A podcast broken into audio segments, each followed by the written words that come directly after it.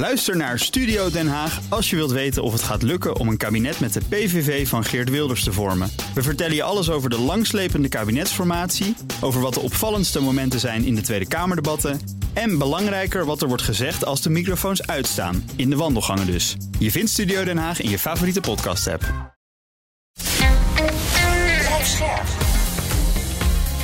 BNR Nieuwsradio. Napleiten. Wouter Laumans en Christian Vlokstra. Dus hij heeft eigenlijk zijn vader ervan weerhouden om bij zijn moeder in de buurt te komen. En dat heeft urenlang geduurd. Waarbij hij ook continu ook dat mes in zijn hand had. En ook nog wel een aantal bedreigingen heeft geuit. En ja, zo is dat eigenlijk voortgeduurd. En dat was dus eigenlijk de gijzelingssituatie.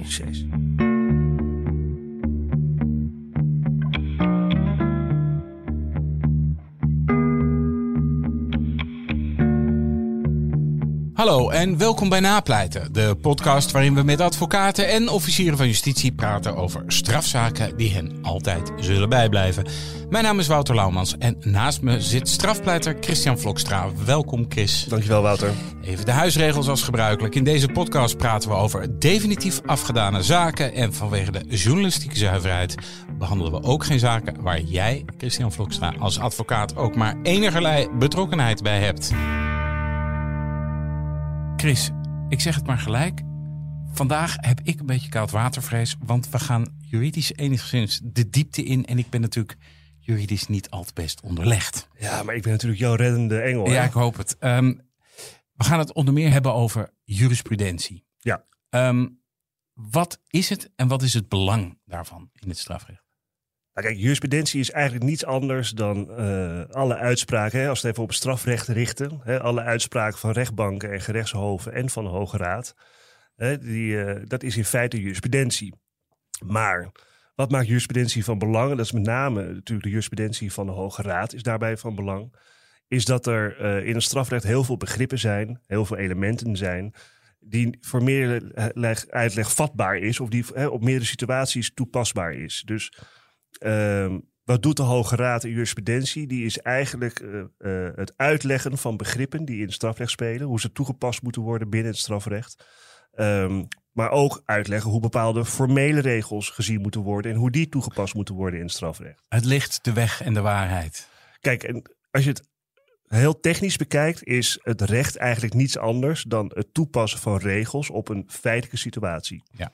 Hè, maar een wet of, een, eh, of meerdere wetten kunnen nooit natuurlijk alle feitelijke situaties hè, die zich in een, eh, in samenleving voordoen, kunnen die bevatten. Hè, die kan je niet in een wetboek opschrijven. Dus er zijn algemene bepalingen die moeten worden toegepast. En de jurisprudentie helpt ons eigenlijk door middel van de Hoge Raad die uitlegt hoe je het moet toepassen. Maar ook door jurisprudentie van feitenrechters die soortgelijke zaken al hebben behandeld.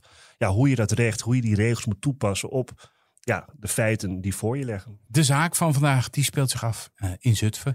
Op 19 mei 2021 gaat het helemaal mis in het hoofd van een 38-jarige Zutphenaar. De man kampt al langere tijd met psychische problemen en woont nog bij zijn ouders. Op de fatale dag steekt hij eerst zijn moeder neer met een zakmes. Zijn vader is op dat moment ook in de woning.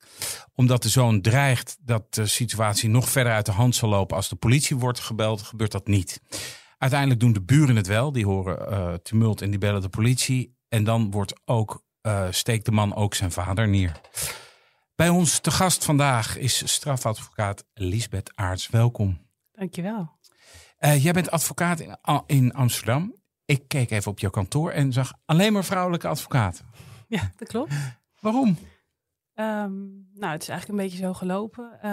ik, mijn compagnon en ik zijn het kantoor samen gestart. En uh, ja, langzamerhand zijn we uitgebreid en dat is telkens met een vrouw geweest. Wel leuk.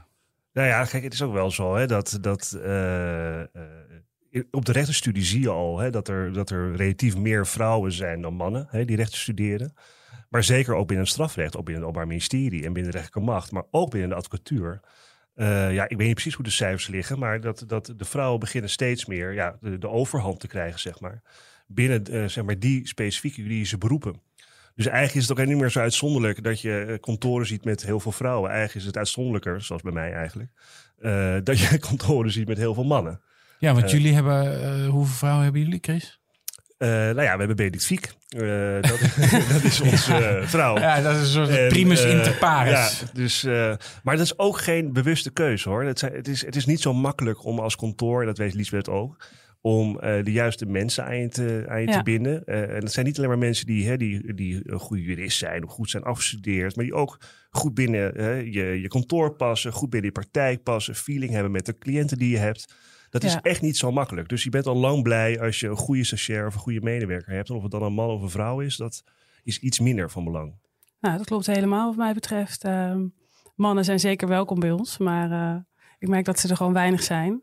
Ik weet niet of dat er komt doordat ze er inderdaad echt veel minder zijn. Of doordat we inmiddels, omdat we zo'n vrouwenkantoor zijn, meer vrouwen aantrekken. Ja, dat ze een beetje bang zijn Ik heb nog geen, eh, onderzoek naar gedaan.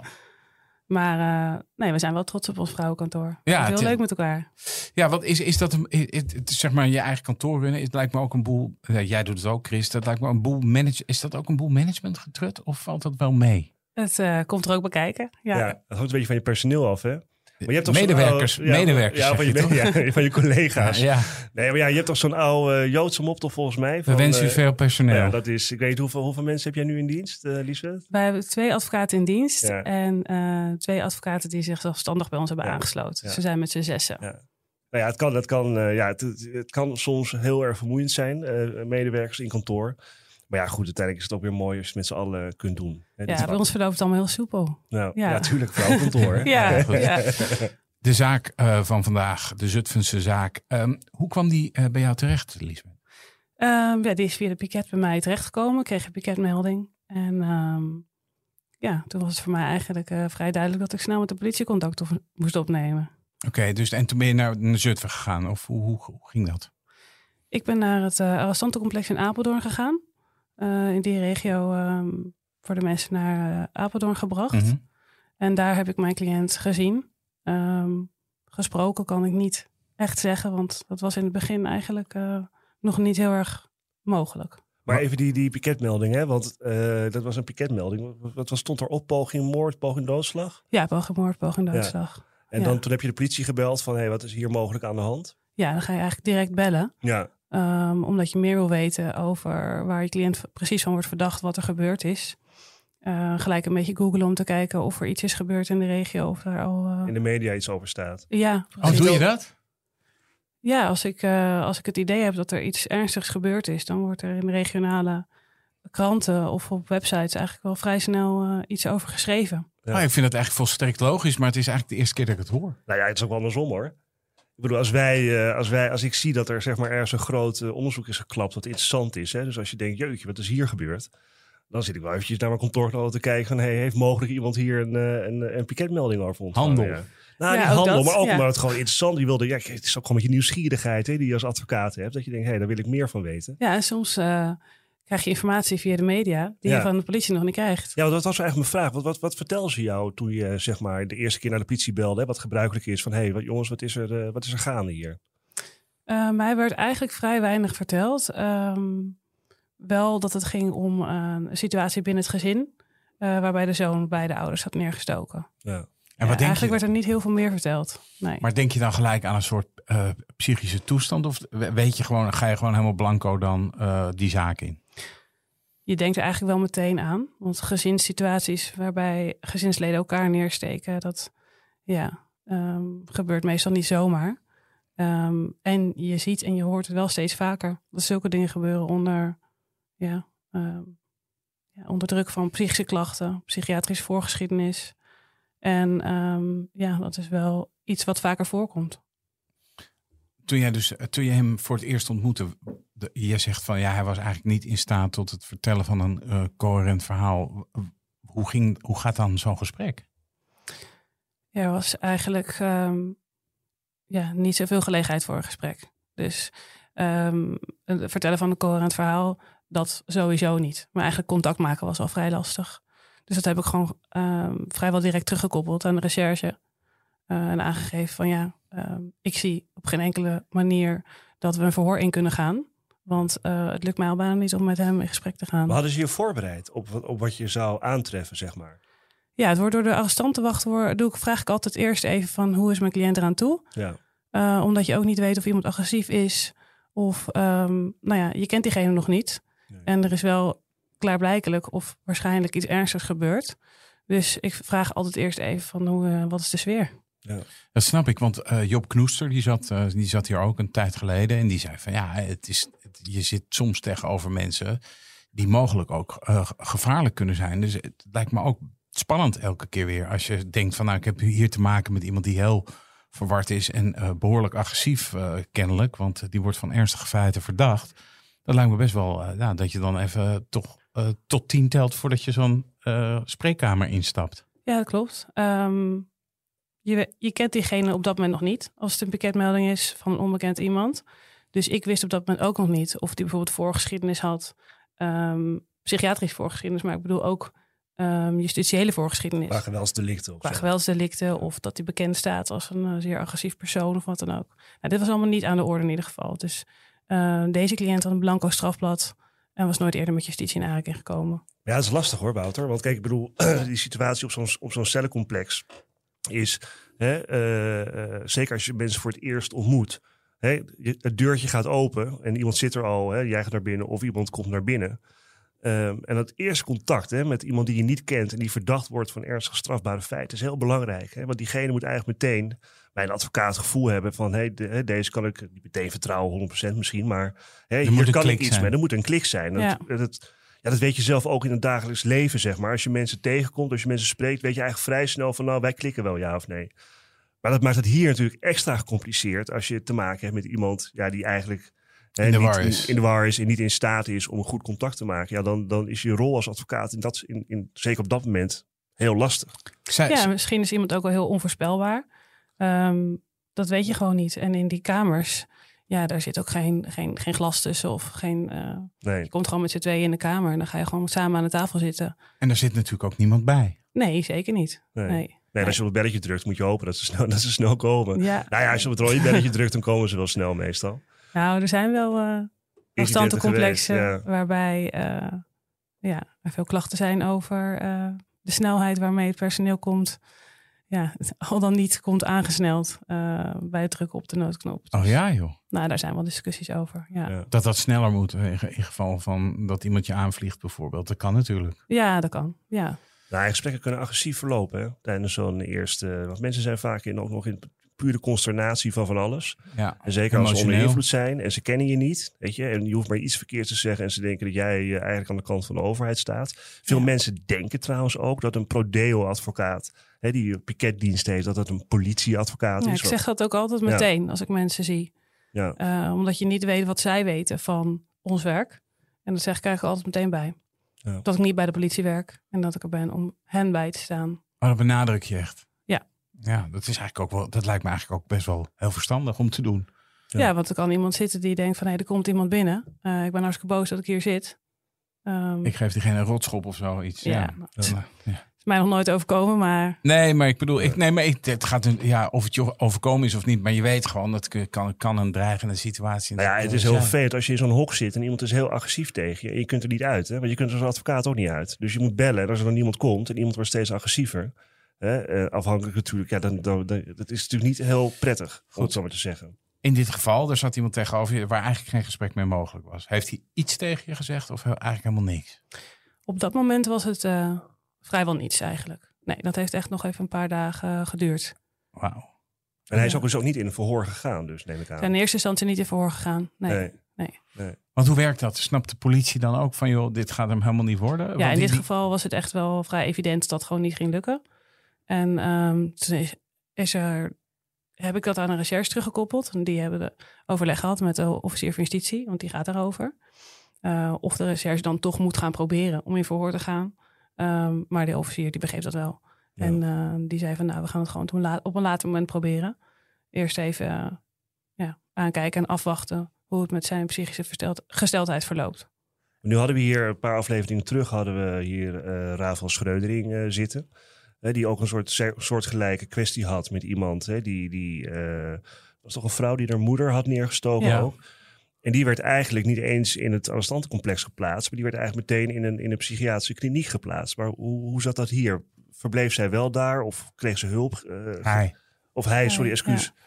Ehm, nee, dat hoorde ik inderdaad ook. Ehm, mijn cliënt die moest gewoon op het arrestantencomplex in zijn celletje zitten. Ja. Ja.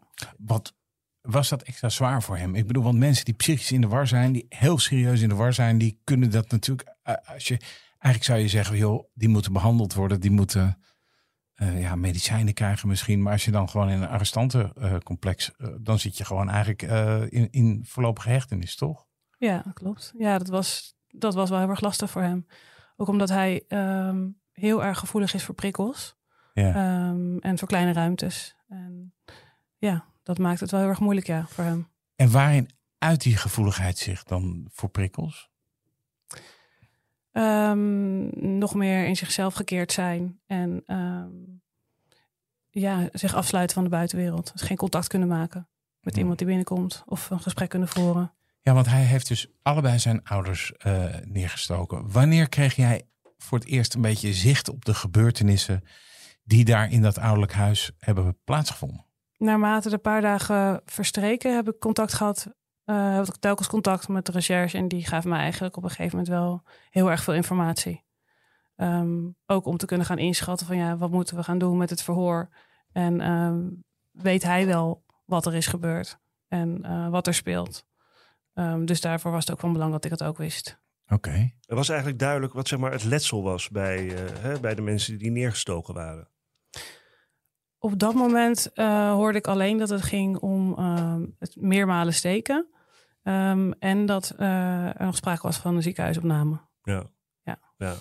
Maar wist je wel al dat het zijn ouders waren? die Ja, waren? Oké. Hoe, hoe, hoe stond, had je ook enig idee hoe zij in deze zaak stonden? Wanneer kreeg je, werd dat je duidelijk? Want ik bedoel, ja, je ouders neersteken, dat klinkt ja, als een soort familiedrama. Ja. Dit, dit klinkt sowieso als een familiedrama. Ja. Dus. Ja. Nou, eh, in eerste instantie wist ik dat niet. Ehm, ze lagen natuurlijk ook in het ziekenhuis, werden behandeld. Ehm, zijn moeder was ook een stuk erger aan toe dan, eh, dan zijn vader. Ehm, maar eh, er zat natuurlijk een voorgeleiding aan te komen. Ehm, en dan krijg je eh, inzage in een dossier. En daar zaten wel de verklaringen van ouders in. Die vlak nadat zij ja, voldoende aanspreekbaar waren, wel een verklaring hadden afgelegd. En daarin kwam eigenlijk al vrij snel terug dat zij ook de psychiatrische problematiek van hun zoon aankaarten. En Want wat was er gebeurd precies? Wat was het beeld wat er, eh, wat er uiteindelijk uit het dossier naar, naar voren kwam? Wat is er in dat huis ge- gebeurd op, die, eh, die 19e mei 2021? waar er bij hem sprake van was, is dat hij.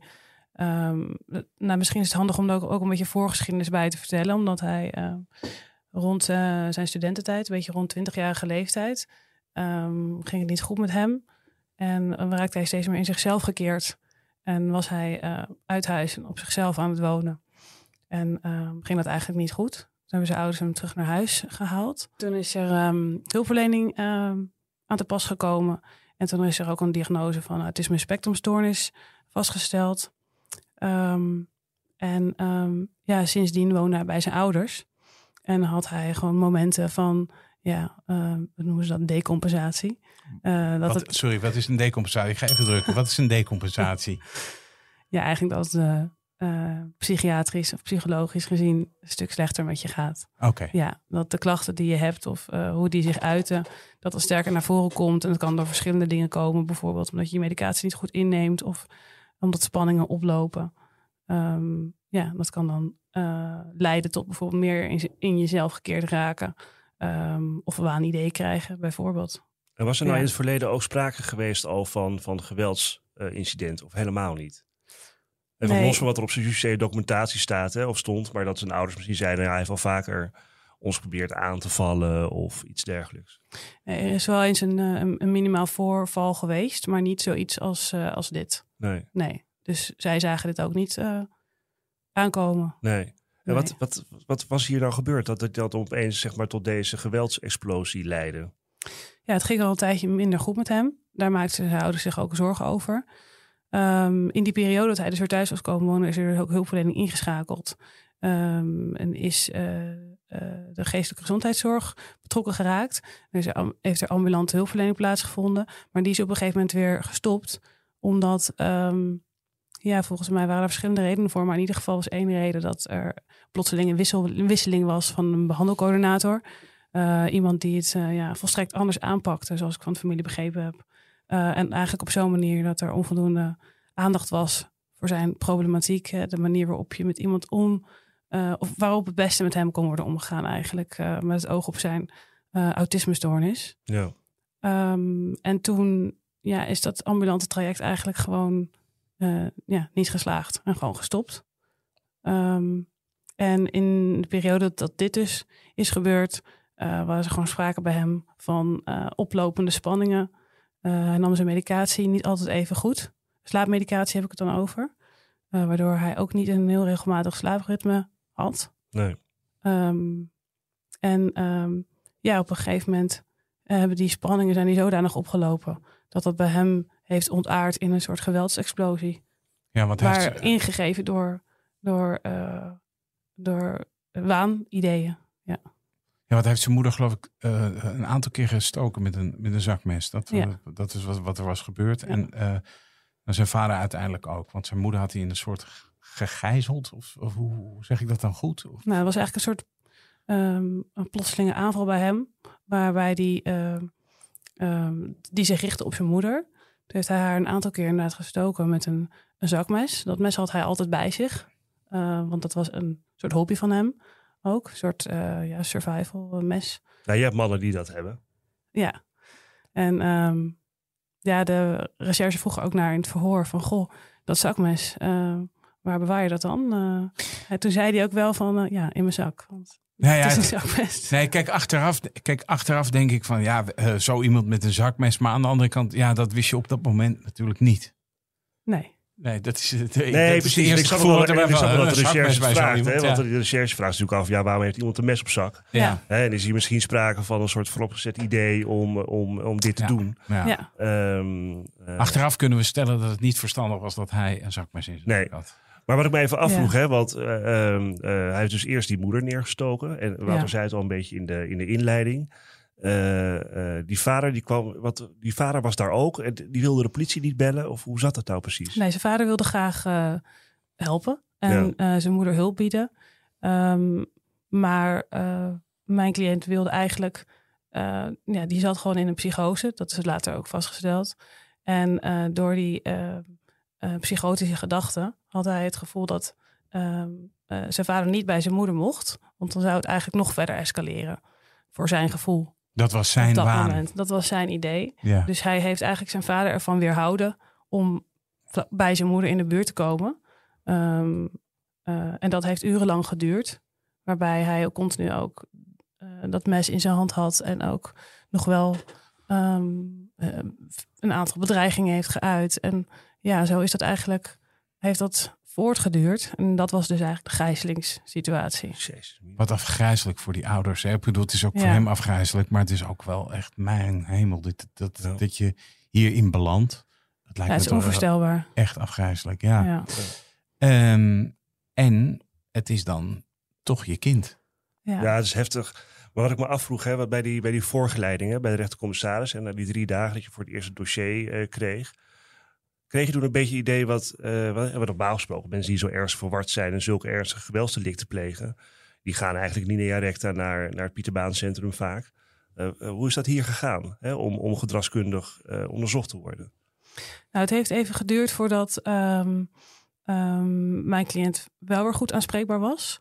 Ehm, en zodra hij dat was en ook doorkreeg wat er nou eigenlijk wat zich had afgespeeld, ja, kon hij wel meteen uiten dat hij dat echt verschrikkelijk vond en hoeveel spijt hij daarvan had. Kon hij het zich herinneren? Heeft hij het bekend? Dat hij heeft het bekend. Oké, Ja. dus hij kon het zich nog wel herinneren. Ja, op enig moment. Dus in het begin, ehm, ja, in het begin niet. Toen, toen vond hij, toen echt helemaal in het begin, toen, eh, toen ik voor het eerst met hem een gesprek kon aanknopen, toen was het voor hem ook nog helemaal niet duidelijk wat er nou precies was gebeurd. Maar dat kwam later wel weer bij hem terug. Ja. Maar heeft hij wel gewoon in een huis van bewaring gezeten? Of heeft hij eh, in een soort speciale afdeling gezeten? Nee, hij is meteen naar het, ehm, eh, naar het PPC overge overgeplaatst. ja, Dus eh eh, is het- psychiatrisch centrum. Ja, Ja. Op de bel drukken. Maar... ja. Ja, met speciale zorg. Ehm, daar is hij eigenlijk direct naartoe overgeplaatst. En ehm, ja, ehm, toen wilde, was hij ook meteen bereid om eh, mee te werken met het onderzoek. Ja. En een bekende verklaring af te leggen. En had zelf ook een eh, sterke hulpvraag. Want hij vond het gewoon verschrikkelijk dat het zover was gekomen. Ehm, hij ging echt gebukt onder ja, schaamte, schuld. Ja. En eh, wilde heel graag zijn excuses aan zijn ouders aanbieden. Ehm, en wat ik gewoon heel bijzonder vind aan deze zaak... is dat zijn ouders en zijn familie... eigenlijk van, vanaf moment één...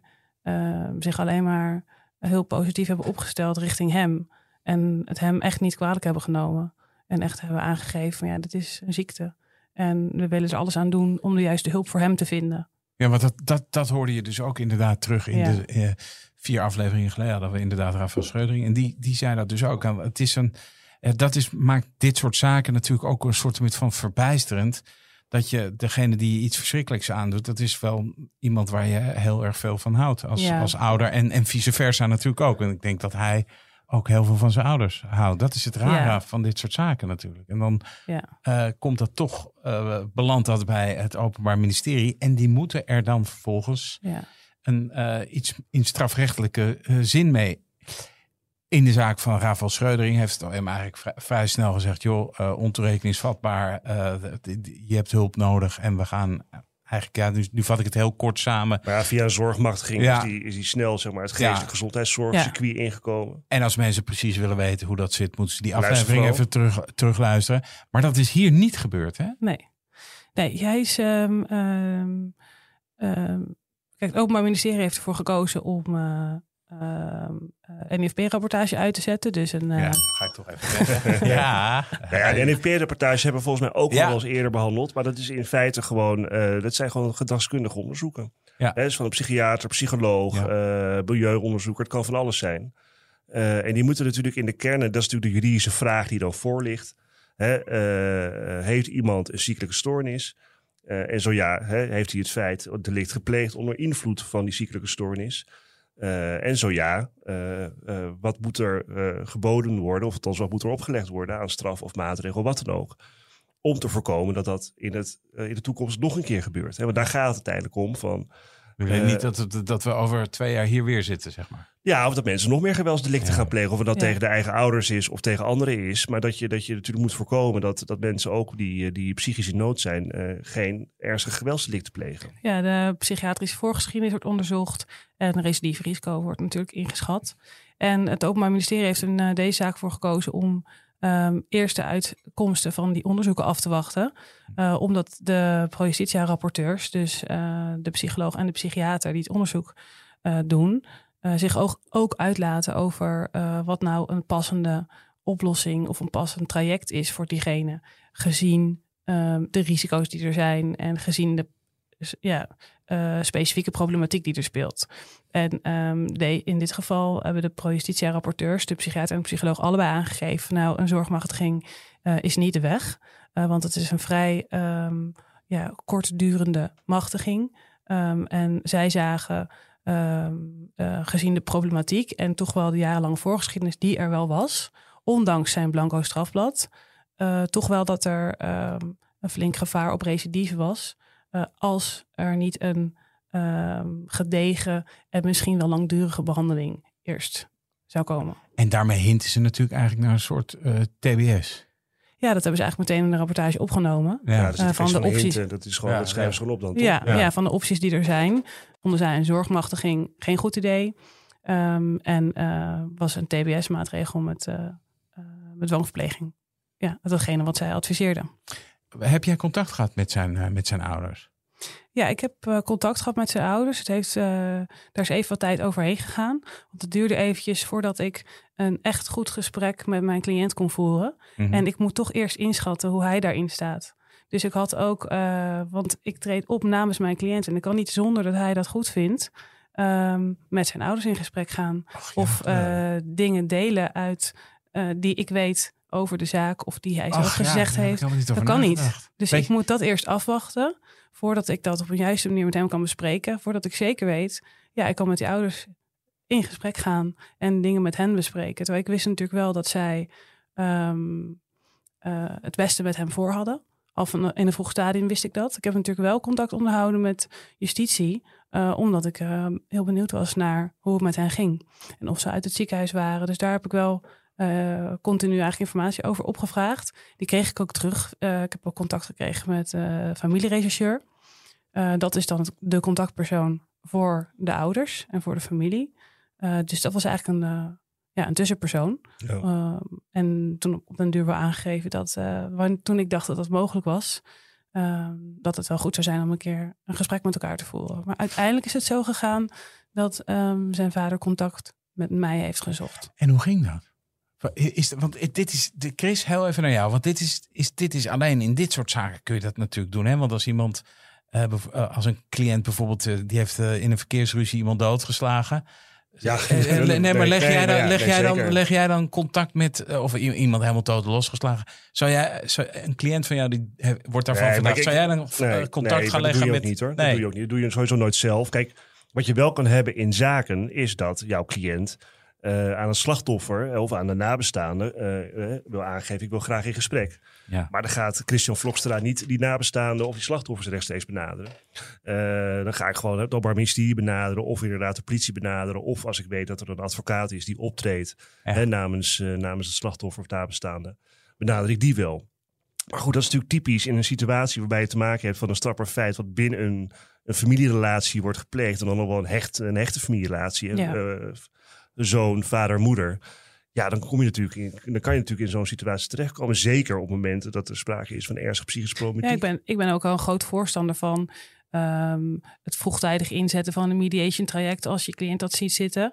Uh, om dat via justitie voor te stellen aan uh, slachtoffers, als dat aan de orde is. Ja. Um, maar hier liep, lag het gewoon iets anders. Um, en moest er gewoon even wat tijd overheen gaan. Maar heb ik, toen ik contact kreeg met ouders, um, ja, is dat heel goed verlopen. En um, uh, ja, was het ook gewoon heel mooi om met elkaar te bespreken dat zij ook intussen uh, op bezoek konden gaan bij hem. Um, en dat dat contact goed verliep. En dat heeft hen uh, eigenlijk allemaal heel erg goed gedaan. Want heb jij gewoon gedurende de rest van de zaak ook gewoon contact onderhouden met zijn vader? Hoe ging dat eerste gesprek met, met, met zijn vader? Ben je dan zenuwachtig als advocaat? Van, nou ja, uh, ik kan of ja, je, nee, ik was je kijkt me aan van helemaal niet. nee, nee joh.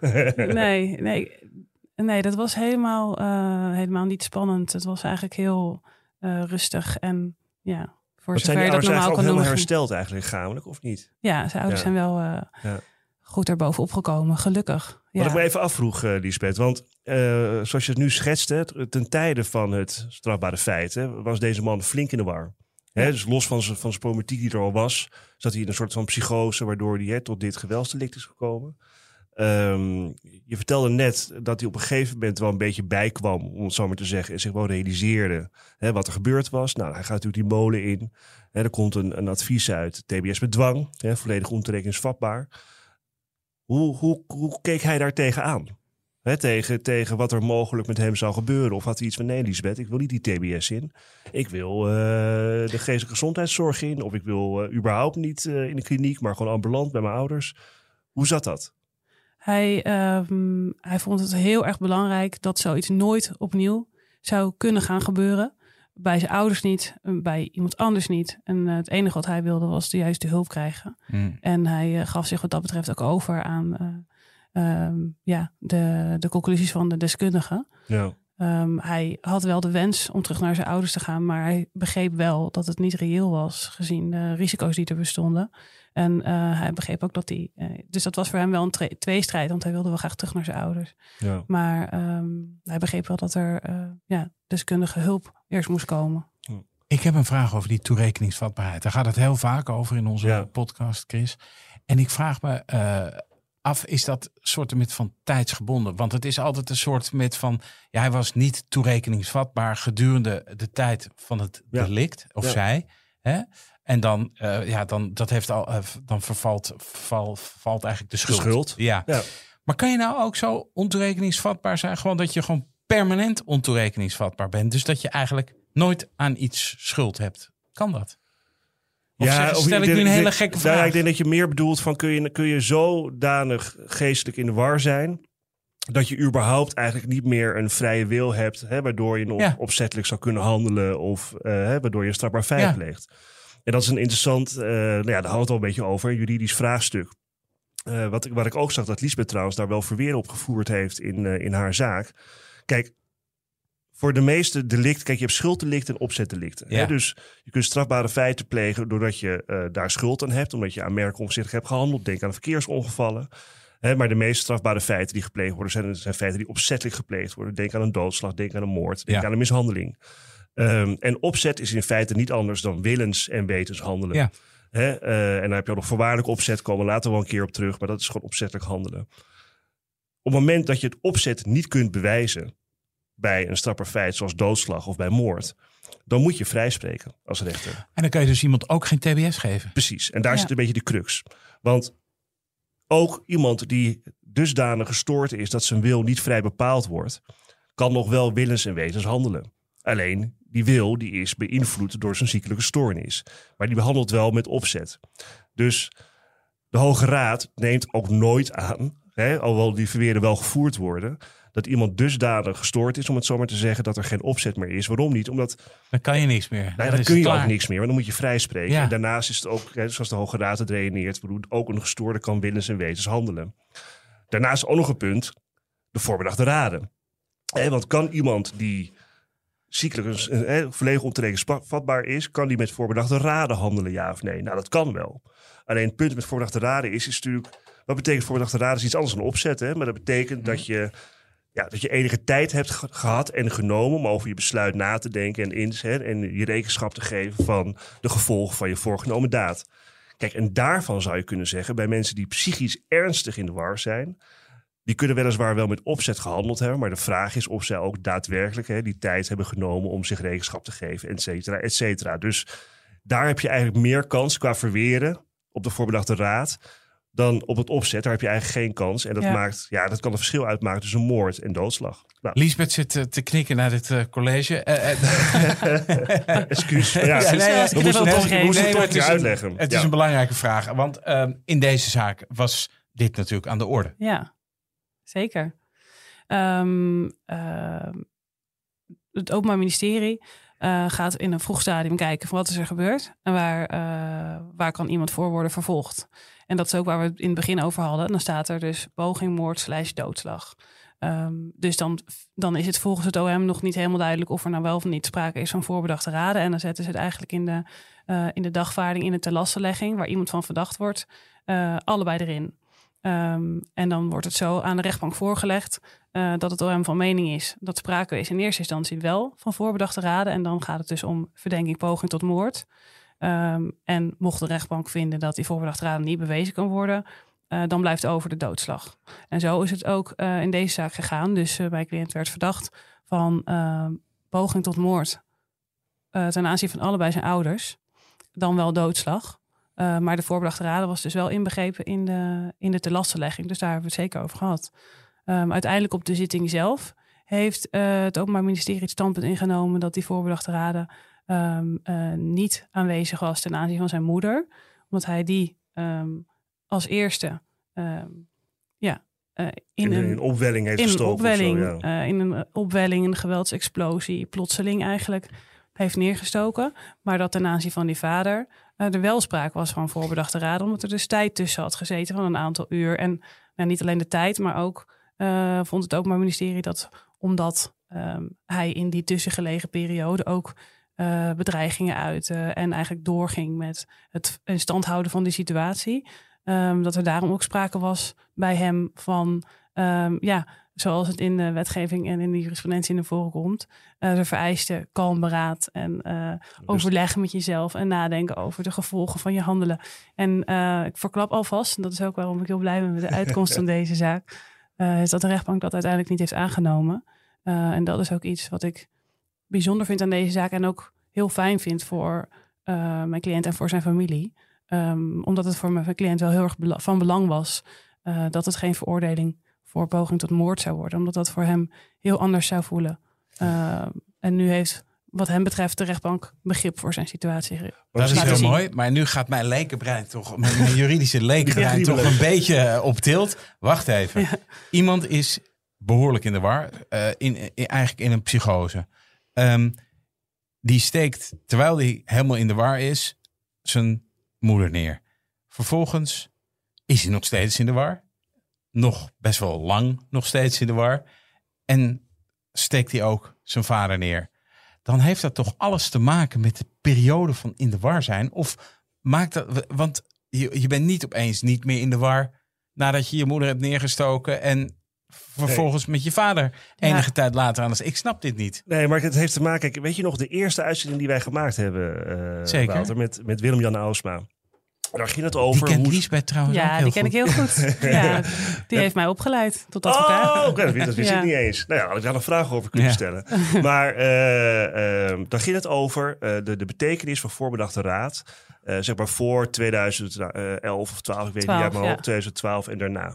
En eh, dan gaan we even juridische diepte in, luisteraartjes. Hou- Zet je riem maar even vast. maar vroeger was het zo dat het, eh, het criterium, hè, heb je tijd en gelegenheid gehad om, om hem over je voorgenomen besluit na te denken. Het was puur, ja, dat werd echt puur objectief bekeken. In die zin van, is die tijd er simpelweg geweest? Ja. Eh, maar dat leidde natuurlijk ook tot hele rare situaties. Want dan had je dus mensen die dus inderdaad gewoon in een soort van rush zaten van geweldsexplosies. En dan zat er ergens vijf seconden tussen en dan pakten ze een mes. En dan zeiden ze, ja, je hebt tijd gehad. En dus nu is het, eh, is het poging moord geworden. Dus de Hoge Raad heeft dat ook veranderd. Die heeft, is veel meer op de lijn gegaan. Je moet echt kijken, zijn er indicaties, zijn er bewijsmiddelen waaruit blijkt dat iemand ook daadwerkelijk die tijd hè, genomen heeft om na te denken over dat besluit. Dus het wordt veel meer ja, gesubjectiveerd. Of het wordt veel meer Ja. subjectief uitgelegd, niet meer objectief. En dan kom je dus natuurlijk in zo'n situatie wat Lisbeth heeft. Met iemand die volledig in de war is de hele tijd. Ook al is dat gedurende ja, meer uren.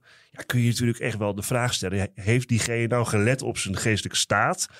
Nou, daadwerkelijk die tijd en gelegenheid genomen om na te denken over zijn voorgenomen besluit. En kijk, en misschien dat voor 2011 dit nog wel een, als een poging moord door de rechtbank was eh, gezien. Eh, maar zeker volgens de huidige jurisprudentie ja, is het ook wel een lijn die wat mij betreft terecht is. Toch? Ja, Ja, daar ben je met me eens, denk ik. ja zeker. Ja, nee, zeker. Eh, de Hoge Raad heeft daar wel wat toelichting op gegeven. Ehm, met als uitgangspunt wel dat ehm, indien er gelegenheid en tijd was ehm, voor beraad met jezelf en het nadenken over de gevolgen van je handelen, eh, dat er van uitgegaan wordt dat je daar dus ook eh, gebruik van hebt gemaakt, aangezien je vervolgens toch bent overgegaan tot, het, eh, Tot de daad. tot de daad. Ja. En ehm, eh, tenzij er sprake is van contra-indicaties. Nou, en dan eh, wordt bijvoorbeeld genoemd als contra-indicatie ehm, dat overduidelijk is dat je handelt in een ogenblikkelijke gemoedsopwelling. Dus dat je echt plotseling vanuit een hevige emotie iets doet. Want in dat requisitoor stelt die officier van justitie dat in de jurisprudentie geen eenduidige lijn valt te ontwaren. En dan citeer ik haar letterlijk. Eh, Ja. dat, dat lijkt me dan buitengewoon ingewikkeld. Want hoe moet Nou, ik daar nou gewoon- tegenaan kijken? Ja, dat, dat is Of dus jij. ook ingewikkeld. En het is dus ook heel opmerkelijk te noemen. En daarom is het ook een heel interessant leerstuk. Ehm, omdat ehm, het nog steeds zo is dat gekeken wordt, eh, eigenlijk in eerste instantie. ehm, eh, iemand neemt kennelijk een besluit om iets te gaan doen. Ehm, dan verstrijkt er tijd. Heeft diegene dus gelegenheid om ehm, daarover na te denken. Van ga ik dit doen? En eh, wat zijn de gevolgen van mijn handelen? En dan vervolgens doet diegene het alsnog. Dat is eigenlijk wat je iemand kwalijk neemt. Dat iemand dus, terwijl hij erover na heeft gedacht, toch nog overgaat tot, het, tot die daad. Ehm, en daarbij eh, is in principe niet heel veel ruimte voor de psychische gemoedstoestand van diegene. En als er sprake is van een stoornis, is dat eigenlijk een vraag die heel vaak later in het proces pas aan de orde komt. Van ehm, heeft iemand overleg gehad? Eh, is er eh, voldoende gelegenheid geweest ervoor? Ehm, en pas later wordt eigenlijk gekeken naar, eh is er sprake van ontoerekeningsvatbaarheid en moet er misschien ehm, eh, een TBS-maatregel volgen of in ieder geval geen straf volgen. Maar de, eh, het is niet in de wet vastgelegd dat een psychische stoornis per definitie eh, in de weg staat aan, Nee. eh, het, eh, aan voorbedachte raden.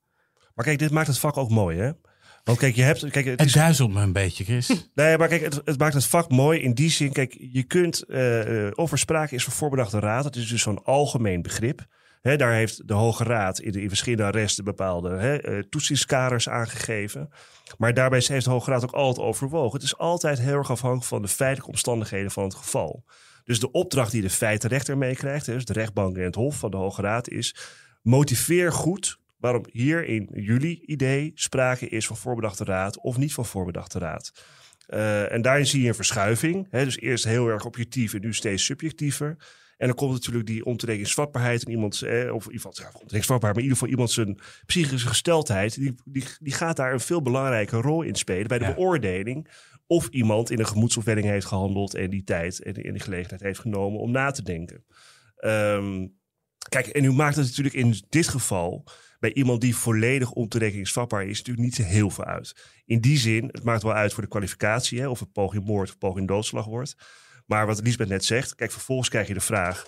Hè, als, je, als je vaststelt het is een poging moord of poging doodslag, is iemand ook, hè, eh, eh, valt hem ook toe te rekenen, ja of nee? Hè? Is, hij, eh, is hij een strafbare verdachte? Mhm. En dat is hij dan niet, omdat hij volledig ontoerekeningsvatbaar is. En dan leidt dat dus niet tot een vrijspraak, maar tot een ontslag van alle rechtsvervolging. En dan kan dus die TBS-maatregel met dwang gewoon worden opgelegd. Hè, dus of het dan een poging moord is of een poging doodslag, dat maakt in die zin niet uit. De uitkomst zal hetzelfde zijn. Alleen, Ja, wat, dus, wat, wat dus opvalt, is dat het, eh, eh, het, het lijkt zo simpel. Hè? Iemand die een Ja. plan heeft gehad, eh, dat is gewoon strafverzwarend ten opzichte van iemand die dat niet als vooropgezet plan had. Maar ehm, als je al is vastgesteld door deskundigen dat je eh, lijdt onder een, eh, onder een psychische stoornis, eh, dan zou je dus denken dat het voor zo iemand ehm, eigenlijk ehm, niet mogelijk is om goed na te denken over de gevolgen van zijn handelen. Maar dat is dus niet per definitie zo. Dus heel vaak blijkt uit de jurisprudentie dat iemand die later ontoerekeningsvatbaar wordt verklaard, wel in staat wordt geacht om eh voorbedachte raad te hebben. Ja. Eh, en dat is dus het interessante, dat er heel vaak Dat heel door. gek. Dat is dus ook gek. Ja, en, en ehm, omdat heel veel rechtbanken en gerechtshoven daar eigenlijk helemaal niets over zeggen. Die zeggen van nou, er was gelegenheid, eh, er is tijd verstreken. Diegene ehm, heeft zich beraden ehm, en vervolgens de, eh, het strafbare feit gepleegd. Ehm, en daarna komt vervolgens de vraag: eh, hoe staat het eigenlijk met de psychische gesteldheid van diegene en kan die daar wel eh, strafbaar voor worden eh, geacht? En dan, nou, diegene is ontoerekeningsvatbaar, hij kon zijn handelen niet overzien, dus ontslag van alle rechtsvervolging en je kunt geen straf krijgen. En dat is dus een, ja, eigenlijk iets vreemds, maar dat gebeurt dus wel heel erg vaak. Ehm, en de ontwikkeling die Christian net ook aangeeft, is dus dat er steeds meer ruimte is voor het meenemen van die psychische gesteldheid eh, in de vraag van is iemand eigenlijk wel in staat om in ehm, die, die tijd die zit tussen dat voornemen om iets te doen en het daadwerkelijk doen, eh, om dat gevolgen van zijn handelen te overzien. En het lijkt simpel, maar het is dus toch niet simpel, omdat kennelijk eh, de, de rechtbank en de gerechtshoven daar ook heel verschillend over denken en ook hele andere criteria eigenlijk gebruiken in de motivering van hun beslissingen. En dat is dus het interessante ook in deze zaak. En ook het prettige voor advocaten, want dan zit er dus licht in. Ja, daar zit zeker licht in. En, Ja, Dan heb, je, heb je nog een verweer. Ja, nee, ja, dat, er is Nee. verweer te voeren, doordat er licht in zit, Ja, toch? En het, het valt op en het is natuurlijk gewoon. ehm, eh, ja, je kunt het raar vinden. Van hoe kan het nou dat, me, dat verschillende rechtbanken en rechtshoven- en gerechtshoven daar zo verschillend mee omgaan? Maar dat kan ook, eh, denk ik, verklaard worden door het feit dat heel veel zaken, dit soort zaken, helemaal niet bij de Hoge Raad komen. Nee. Omdat heel vaak het voor eh, de uitkomst niet zoveel uitmaakt. En of er sprake was. Ja, omdat of er sprake was van voorbedachte raad, of het nou poging moord of poging doodslag wordt. Als iemand ontoerekeningsvatbaar, volledig ontoerekeningsvatbaar wordt verklaard, is de weg naar TBS toch waarschijnlijk de meest voor de hand liggende. En is de uitkomst heel vaak TBS. Dus dan ehm, wordt er niet altijd in hoger beroep gegaan ehm, tegen die beslissing. Of het wel of niet voorbedachte raden was. Dus eh, zulke zaken en de beoordeling van is er wel of niet sprake van voorbedachte raad, komt gewoon niet heel erg vaak bij de Hoge Raad terecht. Die inhoudelijke behandeling, hoe ging dat? Ja. Want je hebt natuurlijk, je hebt natuurlijk hè, de, de verdachte die erkent en eh, geholpen wil worden. Je hebt het Openbaar Ministerie die TBS met dwang wil. Je hebt ouders, hè, de, de slachtoffers die eigenlijk ook alleen maar... Ja, wat, voor- wat voor zitting was dat eigenlijk? Ja, het was ge- geen alledaagse zitting. Ook omdat, eh, nou sowieso zaten we nog in de coronaperiode. eh, maar daarnaast ehm, was het eigenlijk ook niet mogelijk voor mijn cliënt om fysiek bij de zitting aanwezig te zijn. Omdat het vervoer eh, alleen al te veel spanning en prikkels bij hem zou opleveren. En al helemaal het verblijf in de cellengang. Als je eh, naar een zitting wordt overgeplaatst, dan word je dus vanuit ehm, je penitentiaire inrichting eh, met een busje naar de, recht, naar de betreffende rechtbank gebracht. En dan kan het zomaar een halve dag of drie kwart dag duren. Eh, dat je dus in een heel klein ophoudcelletje zit. Ehm, en dat is iets wat hij eh, absoluut niet kon, eh, Dus hij is eigenlijk Aankon- van- vanwege zijn mentale gesteldheid, zeg maar, is hij via video is hij, eh, gehoord tijdens die hoogbehandeling. Ja, hij was via videoverbinding was hij aanwezig bij de behandeling. Maar ook zijn problematiek zorgt ervoor dat ehm, ja, zeg maar, zijn problematiek zorgt ook voor concentratieproblemen. Eh, dat hij het ook sowieso eigenlijk niet eh, heel goed kon volgen. volgen of lang kon volhouden. Hij heeft zeker wel het een en ander gezegd. En ehm, eh, ja, het was een hele interessante zitting. Omdat ook, ik had van tevoren ook aan eh, de rechtbank aangegeven en ook verzocht aan de rechtbank of ze ehm, echt rekening wilden houden met ehm, ja, zijn problematiek in de behandeling van de zaak. Dus niet te langdradig. En, Nee, maar dat is... Dat, ja, niet ingewikkelde eh, zinsconstructies gebruiken. En proberen zo behapbaar mogelijk te houden, de behandeling. Want we wisten allemaal waar het over ging en de standpunten waren ook vrij duidelijk. Eh, en dat heeft de rechtbank, wat mij betreft, wel echt eh, ja, heel, Goed gedaan. heel goed gedaan. Ja. Ja, want ik las dus een, een rechtbankverslag van deze zaak. Dat is nog terug te lezen eh, op de Stentor, de lokale krant. En daarin werd gezegd, we zullen het niet onnodig lang maken vanwege uw concentratiestoornis. We gaan het hebben over een dag die heel naar was voor u en een aantal mensen in deze zaal. Dus daar was wel, en dat zei de officier van justitie, dus er was wel een zekere in, invoelendheid. Ook vanuit het OM. Ja, zeker. Ja. ja, ik denk dat het voor alle partijen gewoon duidelijk was dat het eh verschrikkelijke gebeurtenis was voor iedereen. Ehm, en ook het Openbaar Ministerie was er niet op uit om mijn cliënt eh, zo hard mogelijk te straffen of wat dan ook. Dat was ook wel van tevoren wel duidelijk, eh, wat de standpunt van het Openbaar Ministerie zou zijn. Ehm, het enige was wel dat het Openbaar Ministerie dus standpunt innam met betrekking tot de voorbedachte raden eh, ten aanzien van vader. Ehm, ja, waar, waar de verdediging, waar ik namens cliënt het niet mee eens was. En de rechtbank ging met jou mee. Eh, de rechtbank heeft uiteindelijk overwogen dat er geen sprake was van voorbedachte raad. Omdat toch ehm, het handelen ten aanzien van vader ook voortkwam uit eigenlijk een voortdurende drift. Die ja, was ontstaan uit die gemoedsopwelling. Eigenlijk, eigenlijk is het gewoon wel een eh, tragisch om te bedenken dat, zo'n, dat dit eigenlijk in een rechtszaal geëindigd is. Of, of eh, hè, deze, deze hele kwestie. Of, of nou ja, is misschien wel gewoon een TBS-kliniek. Hè? Ja, dat klopt. Ja, het is, het is gewoon heel tragisch. Eh, je ziet het en je hoort het gewoon steeds vaker. Ehm, personen met eh, voorgeschiedenis in de, in de psychiatrie, of geen voorgeschiedenis, maar met psychische klachten, ehm, die niet op de juiste wijze geholpen kunnen worden. Ehm, en ja, dat er daarmee eh, nare dingen gebeuren, eh, waardoor ze in het strafrecht terechtkomen. Dat is ook wel iets wat ik vanuit de familie ehm, ja, heb begrepen, dat dat eh, een gevoel is dat niet per se de GGZ heeft gefaald, maar het eigenlijk meer faal is van de overheid. Dat de GGZ niet ehm, bij machten is geweest eh, door de, ja, het gebrek aan steun die ze van de overheid krijgen om de juiste hulp te kunnen bieden. Ehm, en dat is gewoon heel erg treurig. Ja, dat hoor je niet alleen eh, in, in zo'n zaken als deze, maar je hoort het ook heel veel eh, terug bij politie, maar ook binnen het Openbaar Ministerie. Dat je gewoon nou, mensen die kampen met hele ge- ernstige geestelijke gezondheidsproblemen, dat die uiteindelijk dan een beetje aan hun lot worden overgelaten en tot ze in de lekbak van de samenleving eh, vallen, eh, het, het strafrecht. Eh, en daar is het natuurlijk uiteindelijk niet voor bedoeld. Nou ja, dat geeft toch heel veel druk hè, op strafrecht en op de politie. Hè? Want Ja. los van dit soort exceptionele gevallen van ernstig geweld... zijn er natuurlijk ook heel veel mensen die, die kleine delicten plegen... onder invloed van stoornissen of overlast Ja. veroorzaken.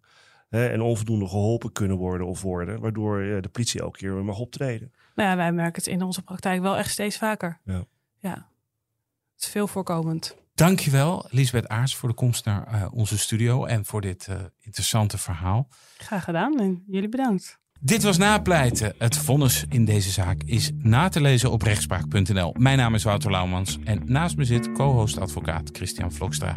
Deze podcast is te beluisteren op Apple Podcasts en Spotify. Vergeet u vooral niet te abonneren, dan bent u op de hoogte als er weer een nieuwe aflevering online staat. En verder zijn we te volgen op de socials, Twitter en Instagram. Dank voor het luisteren en graag tot de volgende keer.